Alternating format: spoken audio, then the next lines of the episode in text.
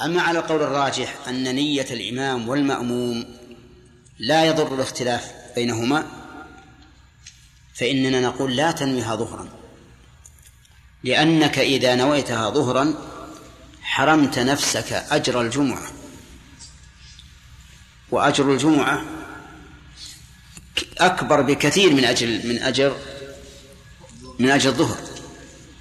فكيف تحرم نفسك أجر الجمعة من أجل أن تجمع؟ والأمر يسير. اترك العصر حتى يدخل وقتها ثم صليها طيب إذا هذه الحيلة لا تصح على رأي من يرى؟ اشتراط اتفاق نية الإمام والمأموم. ولا وتصح على رأي من يرى أن الاختلاف لا يضر لكن نقول إنك فوتت نفسك خيرا كثيرا وهو أجر الجمعة. التي أضل الله عنها اليهود والنصارى وهدى هذه الأمة لها. كيف تضيع نفسك؟ من أجل أن تقول هذا أسهل عليك. طيب هذه إذا جمع في وقت الأولى. يقول المؤلف وإن جمع في يشترط إيش؟ وأن يكون العذر موجودا عند افتتاحهما. طيب فهمنا وجه اشتراط كون العذر موجودا عند افتتاح الأولى. فما وجه اشتراط كونه موجودا عند افتتاح الثانية؟ يقولون لأن افتتاح الثانية هو محل الجمع هو الذي حصل به الجمع. وهذا صحيح يعني يشترط أن يكون العذر موجودا عند افتتاح الثانية لأنه لا يمكن أن يباح الجمع إلا إذا وجد العذر عند افتتاح الثانية. طيب وهل يشترط أن يكون موجودا إلى إلى انتهاء الثانية؟ لا. فلو فرض أن الجمع كان لمطر وأن المطر استمر إلى أن صلوا ركعتين من العشاء ثم توقف. ولم يكن هناك وحل لأن الأسواق مفروشة بالإسفلت. ما في وحل. فهل يبطل الجمع في هذه الحال أو لا؟ نقول لا يبطل الجمع. لماذا؟ لأنه لا يشترط استمرار العذر إلى الفراغ من الثانية. ليس بشرط. ومثل ذلك لو أن الإنسان جمع لمرض لمرض وفي أثناء الصلاة الثانية ارتفع عنه المرض. فإن الجمع إيش؟ يبطل ولا لا؟ لا يبطل. لماذا؟ لأنه لا يشترط استمرار العذر إلى الفراغ من الثانية. نعم.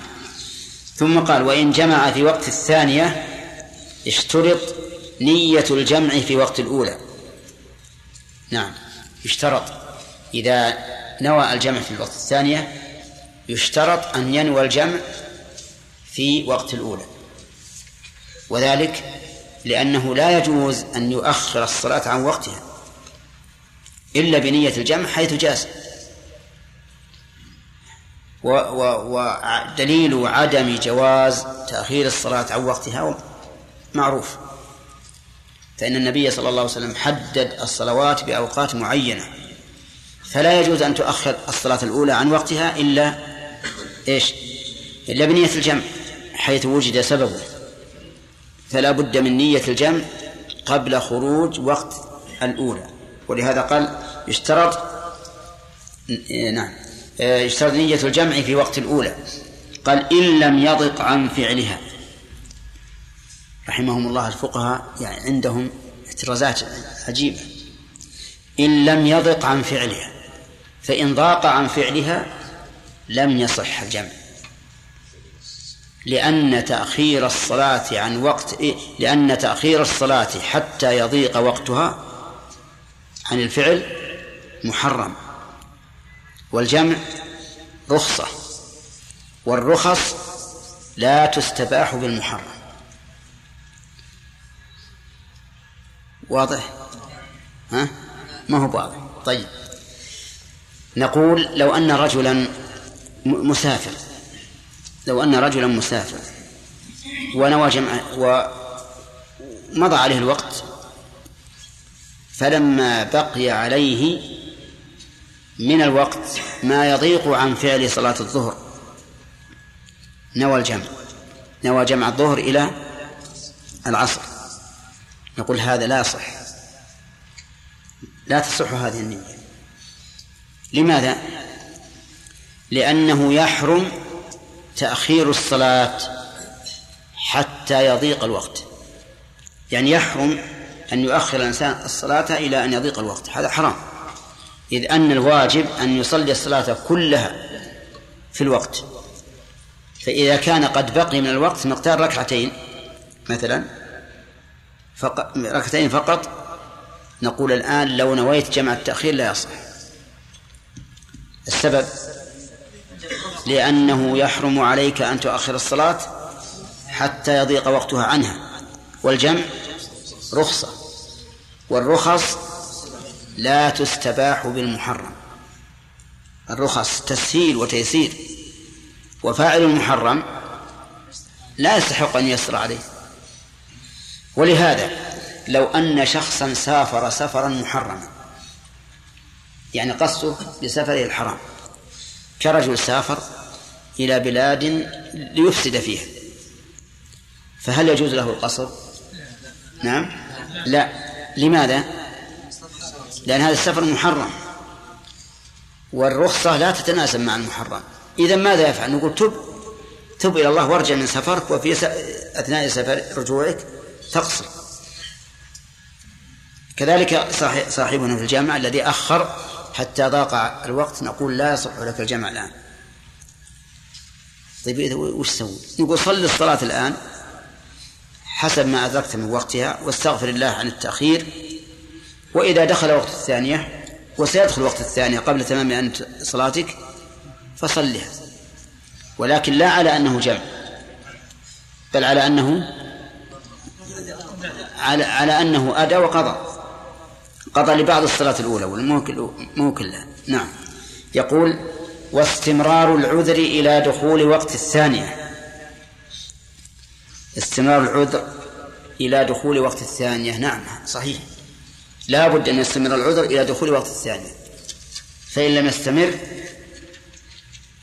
فالجمع حرام. مثاله رجل مسافر. نوى جمع التأخير. نوى جمع التأخير. ولكنه قدم قبل قدم إلى بلده قبل خروج وقت الأولى. قدم إلى بلده قبل خروج وقت الأولى. هل يجوز أن يجمع إلى إلى الثانية؟ ليش؟ لأن العذر انقطع. زال. انقطع وزال. فيجب أن يصليها في وقتها أن يصليها في وقتها. وهذه مسألة تشكل على كثير من الناس. كثير من الناس ينوي جمع التأخير ويقدم بلده ويقدم بلده قبل أن يخرج وقت الأولى. نقول لا تجمع الآن. لأن علة الجمع السفر والسفر انقطع وزال. إذا ماذا يصنع ماذا يصنع نقول صل الصلاة الآن فورا في وقتها قبل أن يخرج. ويرد على هذا السؤال هل يصليها أربعا أو يصليها ركعتين؟ هل يصليها أربعا أو ركعتين؟ أربعا. العلة. لأن علة القصر السفر. وقد وقد زال. وقد زال. فإذا قال قد دخل علي الوقت وأنا مسافر فوجبت علي مقصورة. فوجبت علي مقصورة. ماذا نقول؟ نقول نعم وجبت عليك مقصورة لأنك في سفر. والآن ذمتك مشغولة بها. ولا لا؟ الذمة مشغولة بها ولا لا؟ الذمة مشغولة بها؟ انتبه. الذمة مشغولة بها ولا لا؟ متأكدون؟ نعم. الذمة مشغولة بها. لأن إلى الآن ما صلى. وما دامت مشغولة فإنك إذا وصلت البلد وجبت عليك تامة. وجبت عليك تامة. وبهذا نعرف أن القول الصحيح أن الإنسان إذا دخل عليه الوقت وهو في البلد ثم سافر قبل أن يصلي فله القصر. فله القصر. لماذا؟ لأنه سافر وذمته مشغولة بها والمسافر يقصر الصلاة. إذن فالعبرة في كون الإنسان مسافرا أو مقيما العبرة بالفعل لا بالوقت. فإذا دخل عليك الوقت وأنت مسافر وقدمت البلد قبل الصلاة فصلها أربعا. وإذا دخل عليك الوقت وأنت مقيم وسافرت فصلها ركعتين. العبرة بالفعل. العبرة بالفعل. قال المؤلف رحمه الله واستمرار العذر إلى دخول وقت الثانية أسقط المؤلف الموالاة. أسقطه. ها؟ لا, لا تتعجلون. أسقط الموالاة. لأن الموالاة في جمع التأخير ليست بشرط. الموالاة في جمع التأخير ليست بشرط. فلو أنه جمع جمع تأخير ودخل وقت الثانية وصلى الأولى وبقي ساعة أو ساعتين ثم صلى الثانية فالجمع صحيح. لأن الموالاة شرط في جمع التقديم وليست شرطا في جمع التأخير. وذهب بعض العلماء إلى أن الموالاة شرط كالتقديم. وذهب بعض العلماء إلى أن الموالاة ليست شرطا لا في التقديم ولا في التأخير. فالأقوال إذن ثلاثة. الأول أن الموالاة ليست شرطا لا في التقديم ولا ولا في التأخير وهذا رأي من؟ الأخ. شيخ الإسلام ابن تيمية. والثاني أنها شرط في الجمعين لأن الجمع هو الضم وهو قول لبعض العلماء والثالث التفريق. فيشترط فتشترط الموالاة في جمع التقديم ولا تشترط في جمع التأخير وهذا هو المشهور من المذهب. عرفتم؟ طيب لم يذكر الترتيب. ها؟ معلوم؟ إي نعم. معلوم. طيب لم يذكر أن يكون العذر موجودا عند افتتاحهما وسلام الأولى. نعم. لأن هذا لأن لأن اشتراها لأن لأنه لا يشترط هنا إلا استمرار العذر إلى دخول الوقت فقط. لا يشترط استمرار العذر إلا إلى دخول الوقت فقط. لأنه هو لأن خروج وقت الأولى هو الذي استبحناه وأخرنا صلاته إلى الثانية. فإذا انتهى الوقت فإن فإن فإننا لا لا نقول استبحنا وذلك لأنه إذا خرج الوقت ودخل وقت الثانية زال زالت المطالبة بالصلاة الأولى لجواز الجمع وقد حصل. إذن است... آه... وجود العذر عند افتتاحهما وسلام الأولى في جمع التأخير ليس بشرط. صح؟ يجزم يجزم. إي نعم لأن المؤلف الآن ما ذكره في الشروط. وضربت لكم مثلا رجل مسافر لا الآن اضرب مثلا. رجل مسافر ونوى جمع التاخير وخرج وقت الأولى وهو في السفر وقدم البلد. في وقت الثانية. يجمع ولا ما يجمع؟ يجمع. لأنه بيصلي الأولى الآن ثم يصلي الثانية. والمؤلف يقول استمرار العذر إلى متى؟ إلى دخول وقت الثانية فقط. نعم بس مسألة القصر عرفتم أنه إذا قدم البلد فإنه لا يقصر لأنه انتهى وقت القصر. ثم قال فصل وصلاة الخوف صحت عن النبي صلى الله عليه وسلم بصفات كلها جائزة. هذا هذا العذر الثالث من الأعذار. العذر الأول السفر والثاني المرض والثالث الخوف. الخوف ممن؟ من العدو. أي عدو يكون؟ سواء كان العدو كافرا أو العدو سباع مثلا في أرض مسبعة. نحتاج إلى صلاة الخوف. تصلى صلاة الخوف. يعني مو شرط أن يكون العدو من بني آدم. أي عدو يكون؟ يخاف الإنسان عن على نفسه منه فإنها تشرع صلاة الخوف. صلاة الخوف يقول المؤلف إنها وردت عن النبي صلى الله عليه وسلم بصفات كلها جائزة. وردت على ستة أوجه أو سبعة أوجه عن النبي عليه الصلاة والسلام. وقول المؤلف كلها جائزة ظاهره أن كل صفة منها تجوز في أي موضع. كل صفة تجوز في أي موضع. لأنه قال كلها جائزة. ولكن قد يقول قائل إن الصلاة إن هذه الأنواع أو هذه الصفات من الصلاة لا يجوز نوع منها إلا في موضعه إلا في موضعه الذي صلاه النبي صلى الله عليه وسلم فيه. ونأتي بصفتين منها.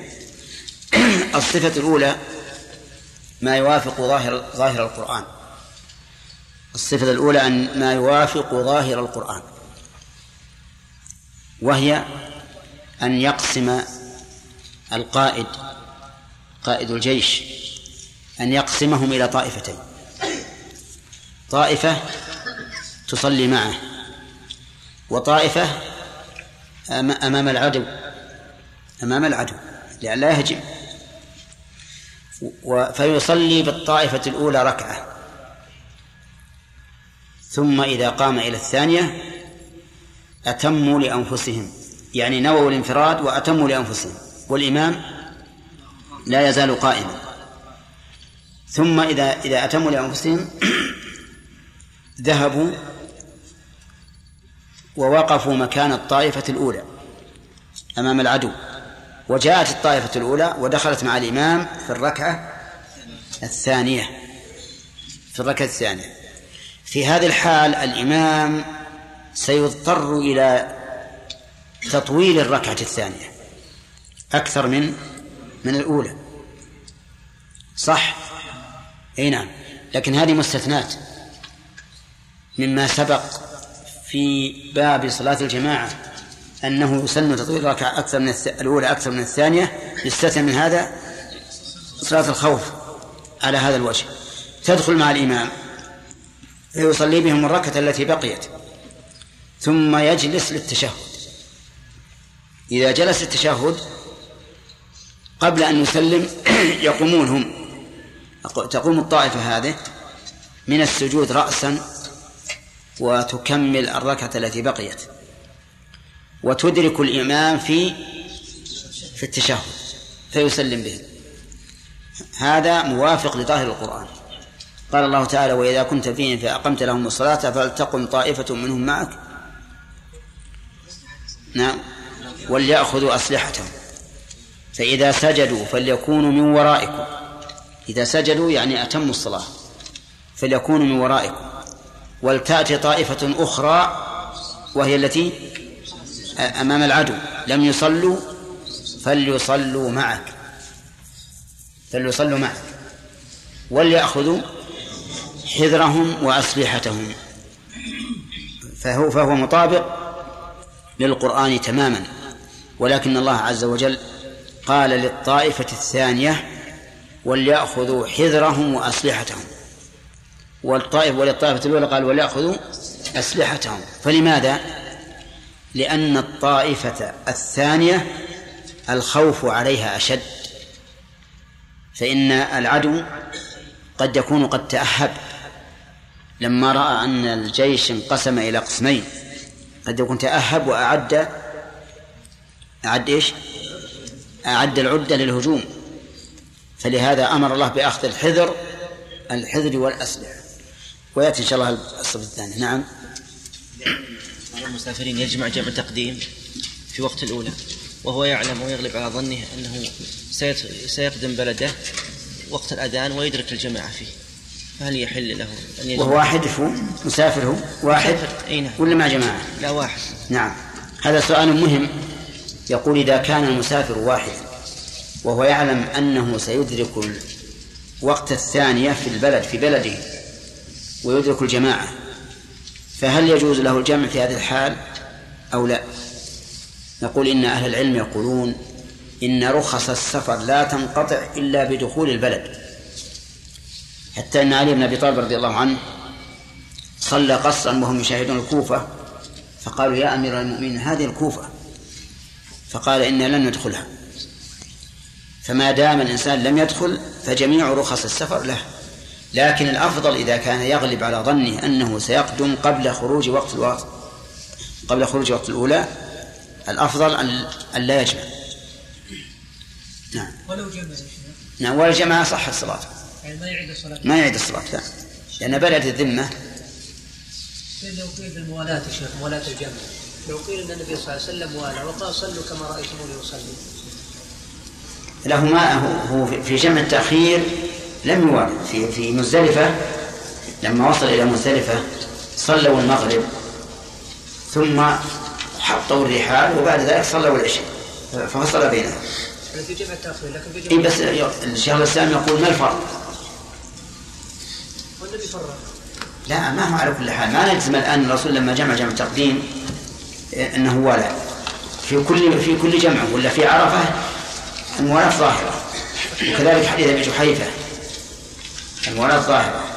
لكن مجرد الفعل لا يدل على الوجوب وقد يكون في مزدلفة. شيخ احتاج إلى التفريق نعم. يقول احتاج إلى التفريق في مزدلفة. لا ما في حاجة. الإبل ما ما هو, ما هو ضارة إنها تبقى في خلال ركعتين؟ نعم. على كل حال لا شك أن الأحوط الموالاة. الأحوط الموالاة. نعم. نعم. إذا كان في بلد لا يطبقون سنة الجمع بين الصلاتين لعذر فطلب منهم أن يصلوا أن يجمعوا فما وافقت الجماعة؟ ما إيش؟ الجماعة ما وافقت. نعم. العشاء هل هو يجمع بين الصلاتين لا هو على كل حال معذور. إذا ذهب إلى بيته يصلي في بيته العشاء ولا حاجة للجمع في هذه الحال لأنه لا يستفيد. الجماعة لا حاصلة ولا يستفيد شيئا. لا بأس لا بأس لكن ربما يحصل في هذا فتنة وتفريق للناس. يعني كونهم يصلون في بيوتهم أحسن من كونهم يجون للمسجد لأنهم معذورون في المطر. يعني إذا حصل المطر عذر الإنسان في ترك المسجد. نعم. تختلف عن الأسلحة السابقة فتأتي من الجو ومن البحر ومن البر في كل مكان. هيئة صلاة الخوف يعني؟ ما بعد كملنا جزاك الله خير. تونا بادين وهذه تحتاج إلى مناقشة. تحتاج إلى مناقشة. لا بش... لا شك أن اختلفت أساليب الحرب الآن. نعم عبد الله.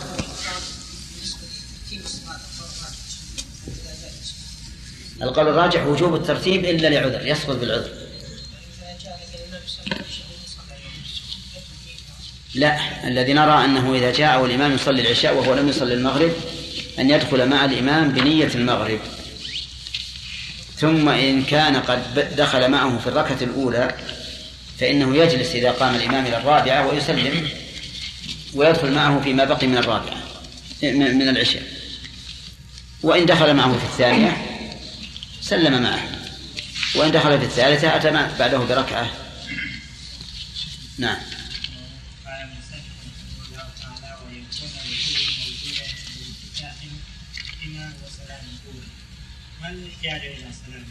اي الاولى ما يجي الا بعد السلام الافتتاح الثاني ما يأتي إلا بعد السلام. يقول مثلا لو لو انقطع العذر عند سلام الأولى ثم احتاج إلى وضوء ثم تجدد العذر. يعني يكون فيه فسحة أما إذا صار ما في فسحة صحيح إنه ما ما, ما يظهر أثر لهذا. لكن يقول لو فرض إنه راح مثلا يتوضأ الوضوء الخفيف لا بأس به. فانقطع عند سلام الأولى العذر ثم عاد العذر قبل أن يفتتح الأولى. لا بد من وهذا كذلك السلام الأولى. السلام ما هو شرط السلام الثاني ليس بشرط. إيه. الثاني يقول لابد أن يوجد عند سلامهما عند سلام الأولى وافتتاح الثانية. قال رحمه الله تعالى ويستحب أن يحمل معه في صلاتها من السلاح ما يدفع به عن نفسه ولا, عن نفسه ولا يثقله كسيف ونحوه. باب صلاة الجمعة. تلزم كل ذكر حر مكلف مسلم مستوطن ببناء اسمه واحد ولو تفرق. ليس بينه وبين المسجد أكثر من فرسخ. ولا تجب على مسافر سفر قصر ولا عبد ولا امرأة. ومن حضرها منهم أجزأته ولم تنعقد به ولم يصح أن يؤم فيها. ومن سقطت عنه لعذر وجبت عليه وانعقدت به. بسم الله الرحمن الرحيم. الحمد لله رب العالمين والصلاة والسلام على نبينا محمد وعلى آله وأصحابه ومن تبعهم بإحسان إلى يوم الدين. للجمع في وقت الأولى شروط. ما هي؟ نعم. أن ينوي أن ينوي أن ينوي الجمع عند إحرام الأولى نعم. ثانيا أن لا يفصل بينها بوقت نعم أن لا يفصل بينها بين الصلاتين بوقت. بوقت؟ نعم لا يفصل بين الصلاة الأولى والثانية المجموعة المجموعة. بوقت وش معنى بوقت؟ وقت؟ كبير.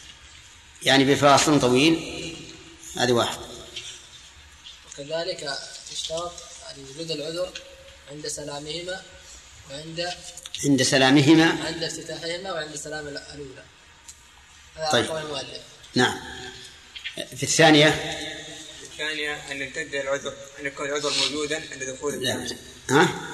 أن يكون العذر موجودا عند دخول الوقت الثاني أن يكون العذر موجودا عند الصلاة الثانية. كيف عند الصلاة يعني دون الصلاة الأولى. يعني إذا أراد أن أن يصلي الثانية أن يكون العذر موجود. ما هو الشروط الجمع في وقت الثانية؟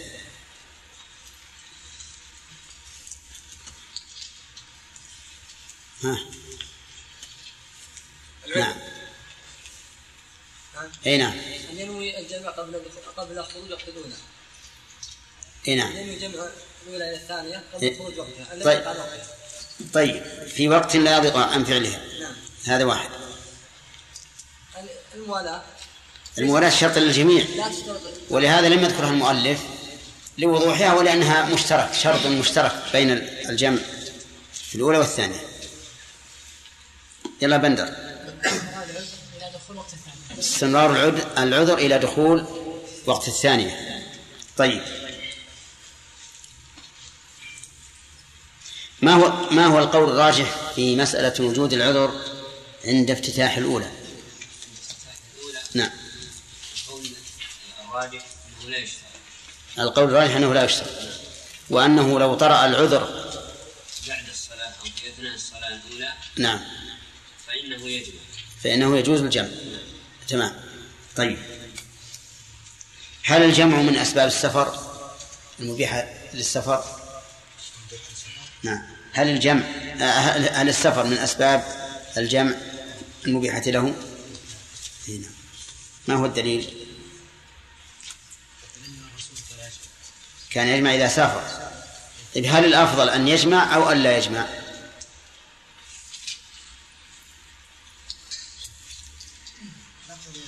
الأفضل أن يجمع مطلقا.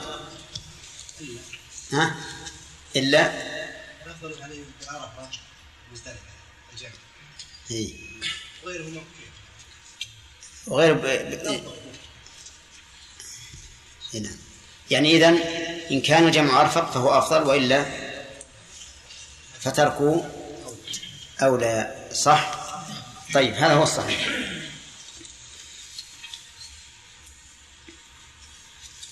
اشترط المؤلف للجمع في وقت الثانية أن لا يضيق وقت الأولى عنها. فما وجه هذا الشرط؟ الإنسان يؤخر الصلاة حتى يضيق الوقت هذا محرم. نعم. والجمع رخصة. نعم. والرخصة والرخصة لا تشبه المحرم طيب ما الذي يترتب على هذا؟ إذا كان إذا ضاق الوقت عن فعلها ثم صلاها ودخل وقت الثانية ثم صلاها ما الذي يترتب على ذلك؟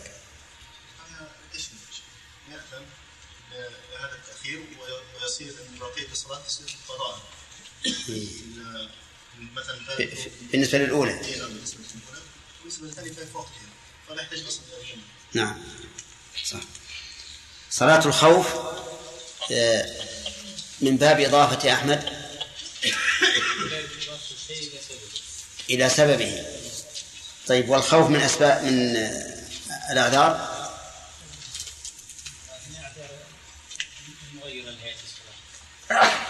طيب من الأعذار فيه عذر آخر غير الخوف. والثاني السفر. إذا ثلاثة ثلاثة. أنواع الأعذار في صلاة أهل الأعذار ثلاثة. طيب ذكرنا أن صلاة الخوف صحت عن النبي صلى الله عليه وسلم بصفات متعددة. ستة أو سبعة صفات. نعم. ما ذكرنا إلا الصفة الأولى.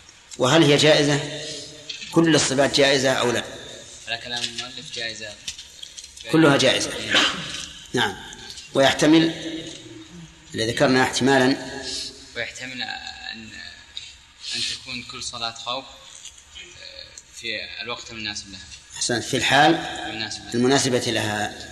نعم. طيب. ذكرنا أنها آه، كما قال المؤلف ستة أنها صفاتها كلها جائزة يعني مشروع العمل بها ولكن ذكرنا احتمالا أنه أن هذه الصفات لا تجوز في كل حال إنما يجوز في كل حال ما يناسبها كما سنذكر إن شاء الله. لا أدري هل تكلمنا على الآية؟ الآية. الصفة الأولى؟ نعم. نعم. الصفة الأولى ما وافقت الآية. وشرح و وشرعنا في شرح الآية. ولنكمل إن شاء الله. يقول الله عز وجل وإذا كنت فيهم فأقمت لهم الصلاة فلتقم طائفة منهم معك.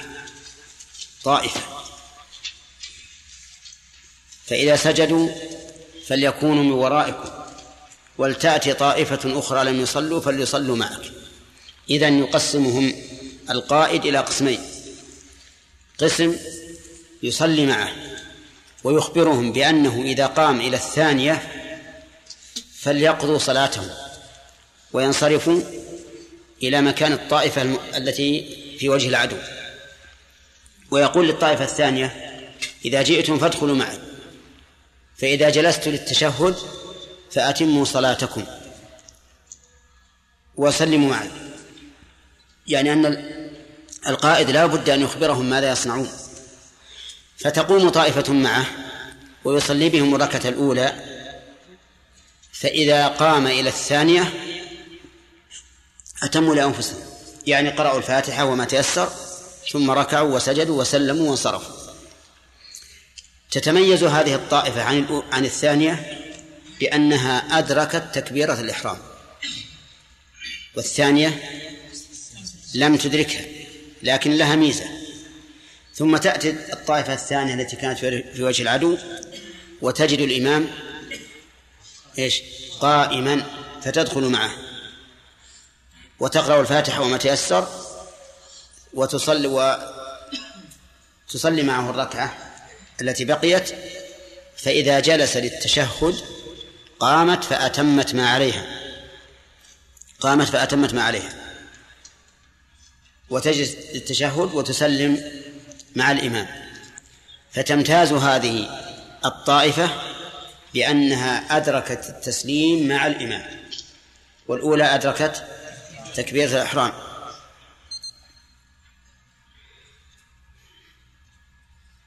هذه هذه الطائفة يقول بعض العلماء إنها أدركت من الصلاة أكثر من الأولى. لأن الله قال ولتأتي طائفة أخرى لم يصلوا فليصلوا معك.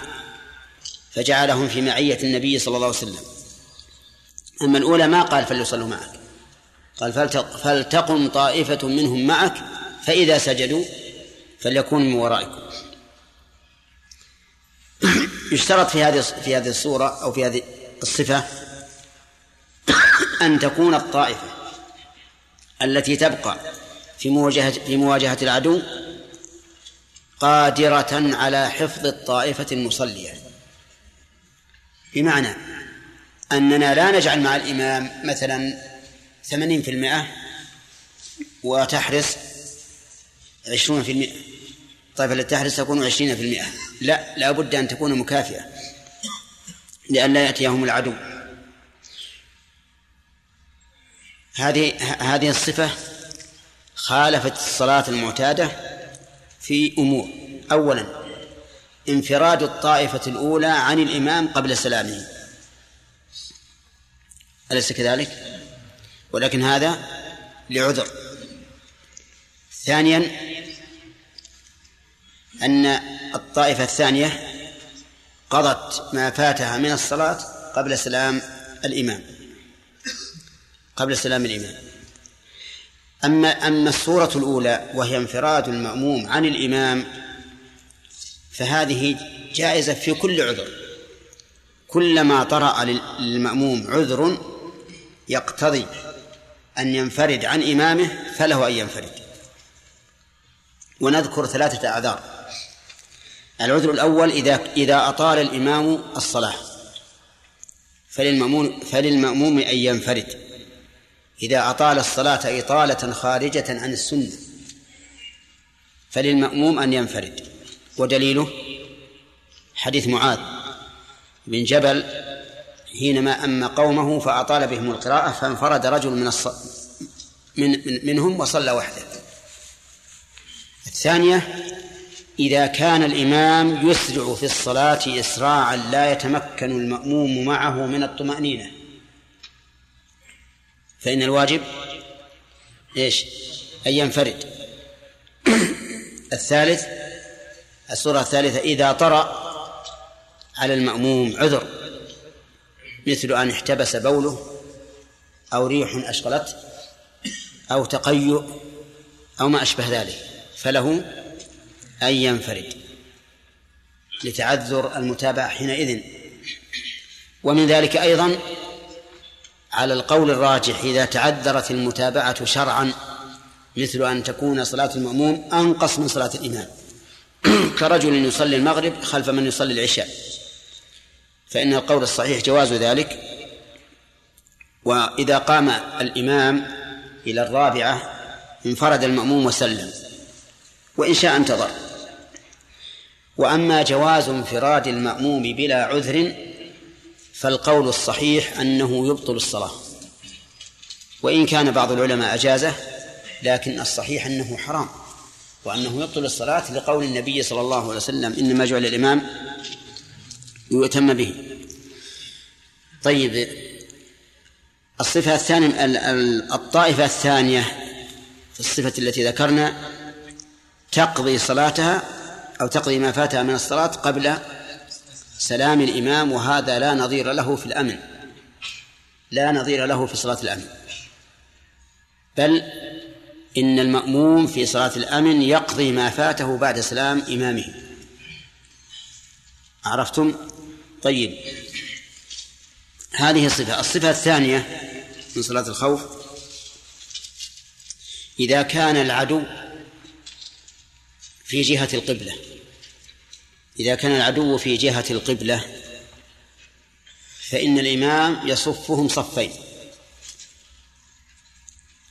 ويبتدئ بهم الصلاة جميعا ويركع بهم جميعا ويرفع بهم جميعا ويسجد بالصف الأول فقط ويبقى الصف الثاني قائما يحرس فإذا قام وقام مع الصف الأول سجد الصف المؤخر. سجدوا. فإذا قاموا تقدم الصف المؤخر وتأخر الصف المقدم ثم صلى بهم. الركعة الثانية جميعا يرحمك الله قام بهم جميعا وركع بهم جميعا. فإذا سجد سجد معه الصف المقدم الذي كان في الركعة الأولى هو المؤخر. فإذا جلس للتشهد سجد الصف المؤخر فإذا جلس فإذا جلس للتشهد سلم الإمام بهم جميعا. وهذه لا يمكن أن تكون إلا إذا كان العدو في جهة القبلة. وهي صلاة سهلة سهلة. الصفة الأولى إذا كان العدو في جهة القبلة فظاهر كلام المؤلف أنها جائزة. ظاهر كلام المؤلف أنها جائزة. ولكن الصحيح أنها لا تجوز. وذلك لأن لأن الناس يرتكبون فيها ما لا يجوز بلا بلا ضرورة.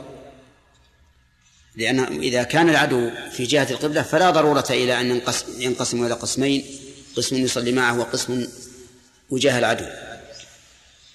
بقية الصفات مذكورة في الكتب المطولة. نقتصر على هاتين الصفتين. ولكن إذا قال قائل لو فرض أن الجهة أن الصفات الواردة عن النبي صلى الله عليه وسلم لا يمكن تطبيقها في الوقت الحاضر لأن الوسائل الحربية اختلفت والأسلحة كذلك اختلفت.